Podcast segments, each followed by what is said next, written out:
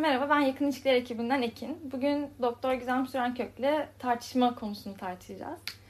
İlişkilerde tartışma bizim çok başımızı ağrıtan bir konu ama ya çok zararlı gibi gelen bir konu ama aslında bir yandan da kaçamadığımız bir konu. Madem kaçamıyoruz biz de bunu nasıl yapacağımızı öğrenelim gibi düşündük. Peki hocam tartışmak gerçekten normal midir? Ee, ikinci merhaba öncelikle. Merhaba. Ben de bugün, seninle podcast çektiğimiz için mutluyum. Ee, tartışmak konusunda da çok fazla soru geliyor zaten. O yüzden bence güzel olacak bu podcast.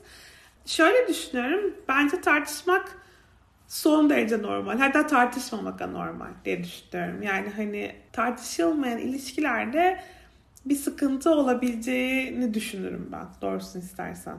Aa. E, evet çünkü yani iki farklı insanız. iki farklı geçmişten geliyoruz ve iki farklı deneyimden geliyoruz ve bir araya geliyoruz. Doğal olarak ne kadar birbirimize uyumlu olursak olalım, ne kadar birbirimize benzesek de veya işte birbirimizi çok sevsek de, çok anlayış göstersek de falan filan sonuç olarak her konuda anlaşabilmemiz mümkün değil. Yani çok basit bir örnek vereyim. Diyelim ki bir şansımız olsaydı ve senden bir tane daha kopyalayabilsek her şeyle aynı ve sen onunla çıkıyor olsaydın Nasıl olurdu? Olamazdı. Bu soruya ben hep ben cevap veriyorum. Asla istemezdim. ya işte düşünsene ya kendinle bile uyumlu olabilmek çok zor değil mi? Ya o yüzden de mutlaka e, ufak tefek ya a, bulaşıkları niye yıkamadın? İşte yani beni 6'da alacaktın saat 6 çeyrek geçti. Hani 15 dakika seni soğukta bekledim. Neyse fark etmez atıyorum örnekleri. E, bir konuda illaki kırılıyoruz karşımızdaki insana veya kızıyoruz. Şimdi bu negatif duygular aslında bize şunu gösteriyor. Yani burada hoşumuza gitmeyen bir durum var. Bu bir sınır ihlali olabilir. Ya da yani genel olarak benim ihtiyaçlarım duyulmadı. O yüzden karşımdaki insanın beni daha iyi anlamasına ihtiyacım var olabilir. Ya başka bir şey olabilir. Yani bu, bunun düzelmesine ihtiyacım var. Şimdi biz bunu duygusal acı olarak hissediyoruz değil mi? Birine kızdığımız zaman. Bu illa böyle romantik ilişkiler üzerinde olmak zorunda bile değil ama birine kızdığımızda, kırıldığımızda böyle şuramıza bir şey böyle oturuyor gibi. Herkes de aynı şekilde hissedilmiyor tabii ama onu hissediyoruz. Yani canımız yanıyor. E bunu karşı tarafa aktardığımız zaman her zaman karşı taraf aa canım ya ben seni üzdüğümü fark etmemiştim ya da bana kızdığını fark etmemiştim. Tamam bir daha asla yapmam ve her şey toz pembe ve gökkuşağı gibi olacak demiyor tabii ki. Çünkü onun da bir karakteri var, onun da istekleri var ve her zaman ihtiyaçlarımız aynı doğrultuda olmak zorunda değil. Bazen benim ihtiyaçlarım karşımdaki insanın ihtiyaçlarıyla çatışıyor değil mi? Öyle olduğunda onun da kendi alanını koruması gerekiyor. Ya da benim söylediklerim belki onda da acı uyandırıyor. Bu sefer o kendi acısı doğrultusunda bana bir karşılık veriyor. Ve aslında tartışmalar buradan çıkıyor. Şimdi şöyle bir deneyim olduğu zaman insanlarda ya biz partnerimle hiç tartışmıyoruz. İşte hiç birbirimize sesimizi yükseltmeyiz. İşte bugüne kadar hiçbir konuda anlaşmazlık yaşamadık. Bu doğru olamaz. Yani şöyle doğru olamaz. Tabii ki olabilir ki seslerini yükseltmelilerse ne güzel bir şey. Ama anlaşmazlık yaşayamamak aslında o ilişkide bir güvenli alan eksikliğinin göstergesi. Yani eğer ben aklımdaki olumsuz şeyleri karşı tarafa aktaramıyorsam bu bir sorundur. Aynen öyle. Birkaç sebep olabilir. Yani mesela beni anlamayacağını düşünüyor olabilirim. Trip atacağını düşünüyor olabilirim. Beni terk edeceğinden korkuyor olabilirim. O zaman gerçekten tartışmalar ilişkinin tuzu biberi diyebiliriz bence. Sağlıklı yapılan tartışmalar diyelim. Ha, peki o zaman nasıl sağlık tartışırız? Yani nelerden kaçınmalıyız tartışırken? Burada aslında en başta şunu söyleyelim. Bununla ilgili yapılan çalışmaların en önemlisi maaşların dört atlısını anlatan çalışmalar. Çünkü şunu biliyoruz. Eğer maaşların dört atlısı dediğimiz dört davranışı tutarlı bir şekilde kavgalarınızda yapıyorsanız o zaman ilişkinizin bitme olasılığı çok yüksek. Nedir bu dört? Nedir bunlar? Nedir bunlar? Oraya gidelim. Birincisi eleştiri. Ama böyle eleştiri derken sen de bugün ben senden şunu almanı istemiştim gelirken almayı unuttun. O yüzden korkunç bir insansın dersem işte güzel giden bir başlangıcı bozmuş oluyorum. Yani bugün bana bunu yapmadığın için ben üzüldüm ya da bugün işte şu saatte buluşacaktık o vakti vakitte gelmediğin için sana kırıldım demekle Bugün beni 15 dakika beklettin o yüzden çok düşüncesizsin. Her zaman böyle yapıyorsun. Beni de zaten hiç sevmiyorsun demek arasında ciddi bir fark var. Yani aslında o anki sorunumuzu genele vurmamamız gerekiyor diyebilir miyiz? Kesinlikle öyle. Yani o davranış, o problem neyse o ana özgü bir şekilde konuşmamız lazım. Şu anda bunu yaptın ve bu bana bunu hissettirdi. O yüzden ben de bununla ilgili sana yaklaşıyorum dememiz gerekiyor. Tamam. Başka neler var? Eğer bu şekilde değil de az önce verdiğimiz örnek gibi çok düşüncesizsin işte zaten hep geç kalırsın dersek karşımızdaki insan savunma dediğimiz davranışa giriyor. O da şöyle sen kendine bak ya. Hani ben düşüncesizim ama sen de çok bencilsin. Yani benim işte şu saatte geleceğimi biliyordum. Benden niye bir şey istiyorsun? Niye kendin halledemiyorsun? Ya da çok hep bana ihtiyaç duyuyorsun. Çok bağımlısın bana. Eleştiri davranışının karşısında savunma davranışı görüyoruz. Yani karşıdaki de onu görüyor ve arttırıyor aslında biraz. Aynen öyle. Ya çünkü aslında biraz şöyle düşün. Şimdi ben sana gelsem ve desem ki Ekin ya sen neden hep böyle yapıyorsun? İşte işte şunu şunu şunu yapıyorsun, bunu bunu yapıyorsun. Çok saygısızsın, çok kötüsün. Yani bayağı bildiğin aslında senin yerin dibine batırıyorum. Yani böyle olabilecek bir sürü kötü şey söylüyorum sana. Ya şey dem demiyorsun yani. Evet çok haklısın yani. Ben de korkunç bir insanım demiyorsun. Bir ansa kuyruğuna basılan bir kedinin, yanlışlıkla kuyruğuna bastığımız bir kedinin ciyaklayıp bir tane pati atması gibi bu aslında. Yani şimdi orada kedi mi suçlu yoksa biz mi suçluyuz? Pati yediğimiz için. Başka ne var? Üçüncü davranış küçümseme davranışı ya da hor görme davranışı. Şimdi eleştiri ve savunma davranışlarında mesela bir cinsiyet farklılığı görmüyoruz. Hem kadınlar hem erkekler bunu yapıyorlar. Hatta şunu da söylemek mümkün. Eleştiri ve savunma davranışlarının sonunda oldu da durabilirsek iyi. Yani hani böyle o maaşların dört tatlısının yarısını durabilirsek yine iyi. Ama çoğu zaman duramıyoruz ve üçüncü davranış olan işte küçümsemeye geçiyoruz. Bu davranışı daha çok kadınlar gösteriyor. Göz devirmek, yan yapmak, ondan sonra çok biliyorsun sen filan demek. Daha kötüsü tekrar söyle bunu yapmayın salak, gerizekalı. Sen de aşağılamak yani hani sen niye varsın ya? Sen senin yani sen ne işe yarıyorsun ki yani böyle bir böyle bir böceğe bakarmış gibi yani böyle karşındaki kişi böyle olmasa daha iyiymiş gibi bakışlar atmak, sarkastik konuşmak bunların hepsi küçümseme davranışların içerisine giriyor. Ne kadar kırıcı olduğunu tartışmamıza gerek yok bence şu an. Ama aslında bu, bu davranışın neyle çeliştiğini söyleyelim. Aslında eleştirinin de öyle. Biz aşk içerisindeyken, ilişki içerisindeyken karşımızdaki insanları aslında teoride idealize ediyoruz değil mi? Yani ben sana hayranım, sen o kadar iyi bir insansın ki tabii ki hatalarım var ama genelinde sana hayranım diyoruz. Ama eleştirdiğimizde veya bu küçümseme davranışını gerçekleştirdiğimizde ya sen de sevilesi değilsin yani benim sevgime layık değilsin ve ben aslında seni o kadar da sana o kadar da hayran değilim yani çünkü baksana yani böyle saçma sapan konuşan bir insansın demiş oluyoruz değil mi? İçinden almış evet. gibi durdun. Biraz biraz öyle gerçekten. tamam neyse biraz sonra söyleyeceğim şey rahatlatacak bence herkesi. Son dördüncü davranışı söyleyeyim. Dördüncü davranışı duvar örme davranışı. O da şu. Tamam ben daha fazla konuşmak istemiyorum. Ya tamam tamam sen konuş ben burada yokum yani. Yani artık öyle bir noktaya geliyor ki ha o kişiyle konuşmuşsun ha duvara konuşmuşsun fark etmiyor. Ya da kişi gerçekten odadan çıkıp gidiyor. Senin aynı ortamda bulunmuyor. Ya da orada olsa bile artık o mention'dan çıkmış yani orada o kişi yok konuşamıyorsun. Buradaki mesele de bizim ilişkilerdeki en temel kıstaslarımızdan biri birbirimizin her daim or- orada olacağına inanmamız. Yani şimdi ne oldu ben bu yanlışları yaptım peki ya da seni eleştirdim peki ama sen beni dinlemiyorsun bile burada yoksun. Bu davranışları hepimiz yapıyoruz. Yani ben mesela şimdi bu podcast'i çekiyorum ve herkese anlatıyorum. Bunları yapmayın sakın yapmayın işte bunlar çok kötü davranışlar falan. Ama mesela çok basit yani bu podcast'i çekmeden iki saat kadar önce eşimle bulaşıklar konusunda tartıştım. Ondan sonra ve yani doğal olarak o tartışmada biraz böyle ikimiz de alttan almadık ve bir şekilde bu saydığım dört davranışın bazılarını yapmışızdır. Yani dışarıdan bakan bir insan eminim görür bunu. Peki içindeyken benim bunu bunları yapmış olmam. Ya tekrar tekrar şey söylemek istiyorum. Mesela asla hakaret etmeyin ya. Onlar çok kötü ya da şiddet falan. Onlara gördüğünüz gibi hiç girmedim.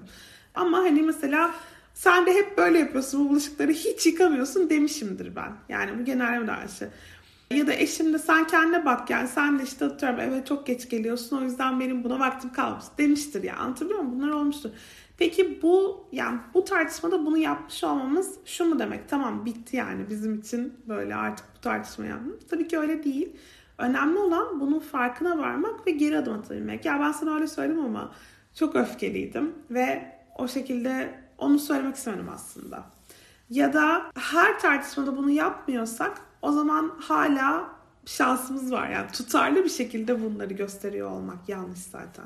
Peki mesela bunların bize yapıldığını fark edersek bunu nasıl bir adım atmalıyız? Nasıl önüne geçebiliriz?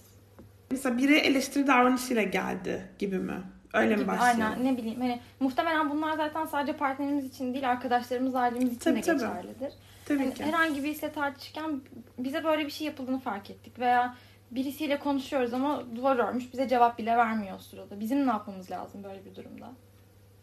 Ya aslında tek tek gidelim istersen. Eleştiri davranışıyla karşılaşıyorsak yani karşımızdaki bizi böyle genelleyerek eleştiriyorsa karşılığında vereceğimiz otomatik tepkinin savunma olduğunu hatırlamamız lazım. Yani biri bana çok düşüncesizsin diyorsa benim ilk söylemek isteyeceğim sen kendine bak olacak. O yüzden onu fark ettiğim zaman şunu demem lazım. Şu anda öfkesinden dolayı böyle konuşuyor. Yani ben hep çok düşüncesiz bir insan değilim.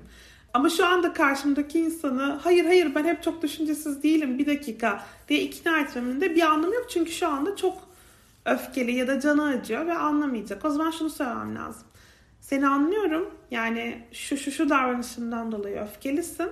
Sen sakinleşince daha fazla konuşabiliriz. Ama yani her neyse onun canını yakan şey öncelikle bir onu kabul etmem lazım. Haklısın eve geç geldim.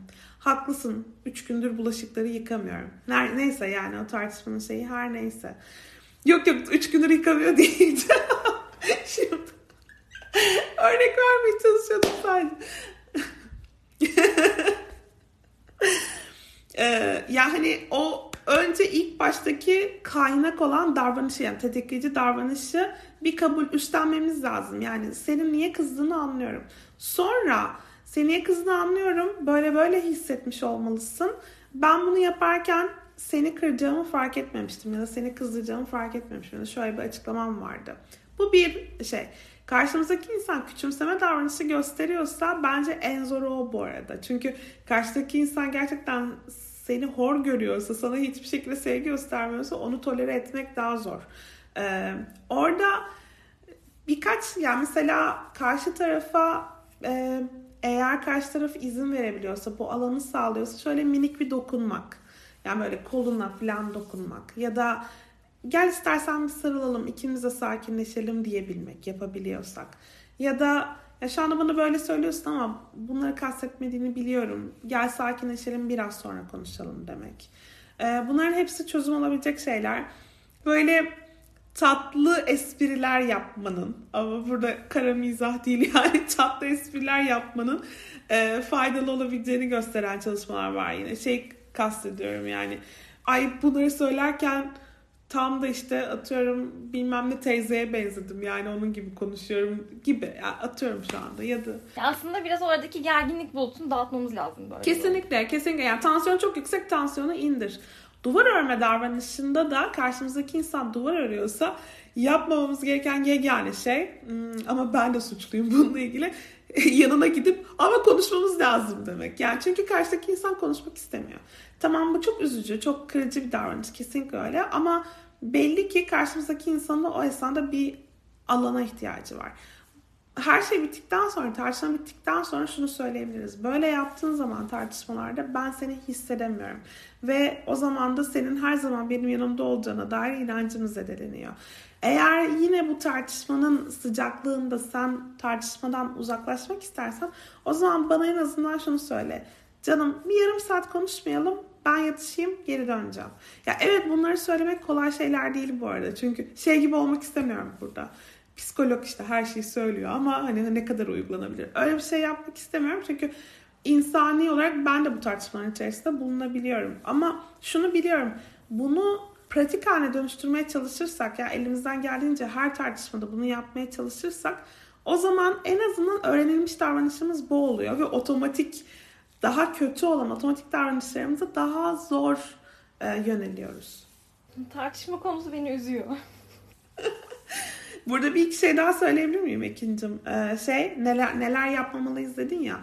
Burada tartışma adabı da çok önemli. Mesela konuşurken şimdi normalde tatlı tatlı konuşuyoruz işte böyle e, sesimiz yumuşacık ve böyle daha sevgi dolu falan ama tartışmada hemen hiç öyle olmuyor. Aynen öyle. Yani kötü robotik falan böyle çok mesafeli falan bir ses tonu. Orada bunu kendimizin yaptığını fark ettiğimizde de aslında kendi sesimizle de savaşabiliriz. Yani ben şu anda aslında bu insanı hala seviyorum. Yani o evet şu anda çok kırgınım, kızgınım ama seviyorum hala. Yani onu ona odaklanmaya çalışmak ses tonumuzdaki bir değişiklik bile karşı taraf tarafından hemen hissediliyor bu arada. Çünkü ben robotik bir tonla konuşursam karşımdaki insan benim sevgimi asla duymuyor değil mi? Ya da mesela beden dili. Yani şu şekilde böyle kollarımı önüme kavuşturmuşum. işte Kendimizi kapatıp. Aynen kapatıp seni de dinlemiyorum. O dansa yani daha açık, daha ya bak sarılabiliriz, birbirimize dokunabiliriz. Yani karşılıklı oturup birbirimizin gözünün içine bakabiliriz. O, o şekilde de hatalarımızı konuşabiliriz. Bu kesinlikle işe yarayan başka bir yöntem. Bir de mümkün olduğu kadar problemleri dile getirdiğimiz zamanların daha böyle iki tarafında başka streslerle boğuşmadığı ve daha sakin olduğu zamanlar olması da önemli ki birbirimizi duyabilelim. Çünkü eğer benim zihnim çok doluysa zaten karşısındaki insanı duyamıyorum hiç. Ve bir de daha ekstra da anlayışsız olduğunu düşünüyorum. Ya ben nelerle boğuşuyorum bana gelmiş bulaşık diyor hala diye düşünüyorum mesela. Evet çok haklısınız. Şimdi bize dört farklı davranıştan bahsettiniz. Tartışırken yapmamamız gereken ama aslında birçoğumuzun sıklıkla hani bir kısmını veya hepsini yaptığımız şeyler bunlar. Peki bunlar nasıl desem insanların karakteriyle mi ilgili bu davranışları gerçekleştirmesi veya gerçekleştirmemesi? Yani şöyle eleştiri ve savunma davranışları bence karakter özellikleriyle daha az ilgili. Yani şöyle daha az ilgili. Bağlanma stillerinden biraz bahsedebiliriz bence karakter özelliklerindense. Yani mesela güvenli bağlanan ve böyle öz şefkati, öz saygısı daha yüksek olan insanlar karşılarındaki insanlara da daha empatik ve daha yüksek toleransa yaklaşabiliyorlar. Öyle olunca da eleştiri davranışını biraz daha az yapabildiklerini, yaptıklarını görüyoruz. Ee, keza affetmek ve özür dilemekte de güvenli bağlanan insanlar daha başarılılar. Küçümseme davranışını yani karşımızdaki insana o ittirme, rezistans gösterme davranışını genellikle kaygıya bağlıyoruz. Çünkü yani kaygımız yüksek olduğu zaman karşımızdaki ve bir de şey duygusu yani zaten şu anda sevilmiyorum. Ben de seviyorum o zaman karşıma da aynı şekilde davranayım. Ee, zarar vereyim, trip atayım. Orada mesela bunu bir daha çok bir kontrol etme güdüsüne sahip olan insanlar. Yani bu, bu şekilde davranarak karşımdaki insanı iyice kötü hissettireyim duygusuna sahip olan insanların biraz daha fazla yaptığını görüyoruz. Duvar örme davranışı da kaçınganlıkla daha fazla ilgili. Yani kaçıngan insanlar onu daha çok yapıyorlar ama onu birazcık şuna da bağlayalım. Duvar ördüğümüz zaman aslında arkasındaki kırılganlığımızı paylaşmak istemediğimiz için. Yani ben çok savunmasız ve güçsüzüm belki şu anda ve bu çok normal aslında ama ben bunu sana yansıtmak istemiyorum çünkü sen şu anda bunu görmeyi hak etmiyorsun belki ya da benim şu an bunu gösterecek gücüm yok. Yani hangi noktada durduğuna bağlı değişir tabii ki. Yumuşacık olduk yine. Peki hocam tartışmaları daha sağlıklı bir şekilde çözmek için neler yapmamız gerekir? Var mı böyle küçük ipuçlarınız? tamam şunu söyleyebiliriz mesela 5'e 5'e 1 oranından bahsedelim. Ben bu oranı çok seviyorum. Sihirli oran diye geçiyor ilişki biliminde. Her bir kötü davranışımız için 5 iyi davranış gösterme. Diyelim ki ben senin kalbini kıracak bir şey yaptım. O zaman 5 iyi davranışla bunu telafi etmeliyim. Ama tabii bu 5 iyi davranış işte evine güller gönderdim. İşte e, böyle telefonları açtım. Bunlar değil tabii ki. Yani hani sana gelip bir sarılayım. Yani seni çok sevdiğimi biliyorsun değil mi diyeyim. Ve küçük incelikler de aslında bu işi görüyor yani. Aynen öyle. Tabii tabii çok küçük şeyler bile bu işi görüyor. Yani illa çok böyle kocaman şeyler yapmamız gerekmiyor. Beşe bir bu arada İlişkimizin standart iyiliği için asıl çok iyi, çok mutlu olan çiftlerin ona bir oranını kullandıkları göz gözüküyor. Bir onu söyleyelim. İkincisi tartışmaların sonunda anlaşamama ihtimalimizi de kabul etmemiz lazım. Yani şimdi mesela Ekin Galatasaraylı değil mi? Koyu da Galatasaraylı. Ben takım tutmuyorum o yüzden şu anda bir şey söyleyemem ama eşim koyu Fenerbahçeli benim. Ve mesela Ekin'le eşim bir araya geldikleri her seferinde bununla ilgili tartışıyorlar. Şimdi ne yapsınlar? Yani ikisi de ya tamam e, bir Galatasaray daha iyi diyor, diğeri Fenerbahçe daha iyi diyor. O zaman biz ortada Beşiktaş'ta buluşalım desinler. Tabii ki böyle bir şey mümkün değil değil mi? O zaman şunu demeleri lazım. Yani biz anlaşamayacağız demek ki bu konuda. Ama Ekin'in Galatasaray'ı tutması o kadar da büyük bir mesele değil. Ya da işte Durul'un Fenerbahçe tutması o kadar da korkunç bir şey değil demeleri gerekiyor. Yani tabii ki şey... Ya apayrı hani şey di- diyorsan sen ya ben Galatasaraylıyım ve bu benim hani kişiliğimin en önemli özelliklerinden bir tanesi ve ben e, karşımdaki insan buna inanmıyorsa onunla birlikte olamam kadar güçlü bir inancın varsa bu apayrı. Ama hayatımızdaki her konu böyle değil değil mi? Tolere edebileceğimiz bazı şeyler var. Aynen bazı davranışlar kesinlikle daha ortada anlaşılabilir şeyler. İngilizce bir tabir var let's agree to disagree diye. Ee, yani bazen de anlaşamamakta anlaşabiliriz. Ee, ve uzlaşmakta derken orada şunu da söylemek lazım. İlla sende, illa bende uzlaşmak zorundayız veya illa tam ortada uzlaşmak zorunda değiliz. Ara sıra sana yakın, ara sıra bana yakın uzlaşsak da olur. Önemli olan bunun bir dengede olması. Yani illa hep senin söylediğinde veya hep benim söylediğimde buluşmayalım. Bunu bir dengeye oturtalım. Zaten sürekli bir tarafın söylediğinde anlaşmaya çalışmak da muhtemelen daha sonra daha büyük sorunlar doğuruyordur. Kesinlikle öyle. Çünkü onu yaptığında demek ki karşı tarafın ihtiyaçlarını hiç duymuyorsun. Yani hep bir kişide buluşuyorsan diğer kişi hep demek ki ihmal ediliyor. O da yapmamamız gereken bir şey. Çok teşekkür ederiz hocam. Ben teşekkür ederim Ekin'cim. Gayet bak çok güzel moderatörlük yaptın değil mi? Teşekkür ederim. Ben bugün çok heyecanlıydım podcast'e başlarken. Bence çok başarılı bir moderatörlüktü. Ellerine sağlık. Çok teşekkürler hocam. Siz de bize çok güzel şeyler anlattınız. Gidip deneyelim. Evet deneyelim hepimiz. İyi bakalım. O zaman her, dinleyen herkese teşekkür ediyoruz. Hoşçakalın.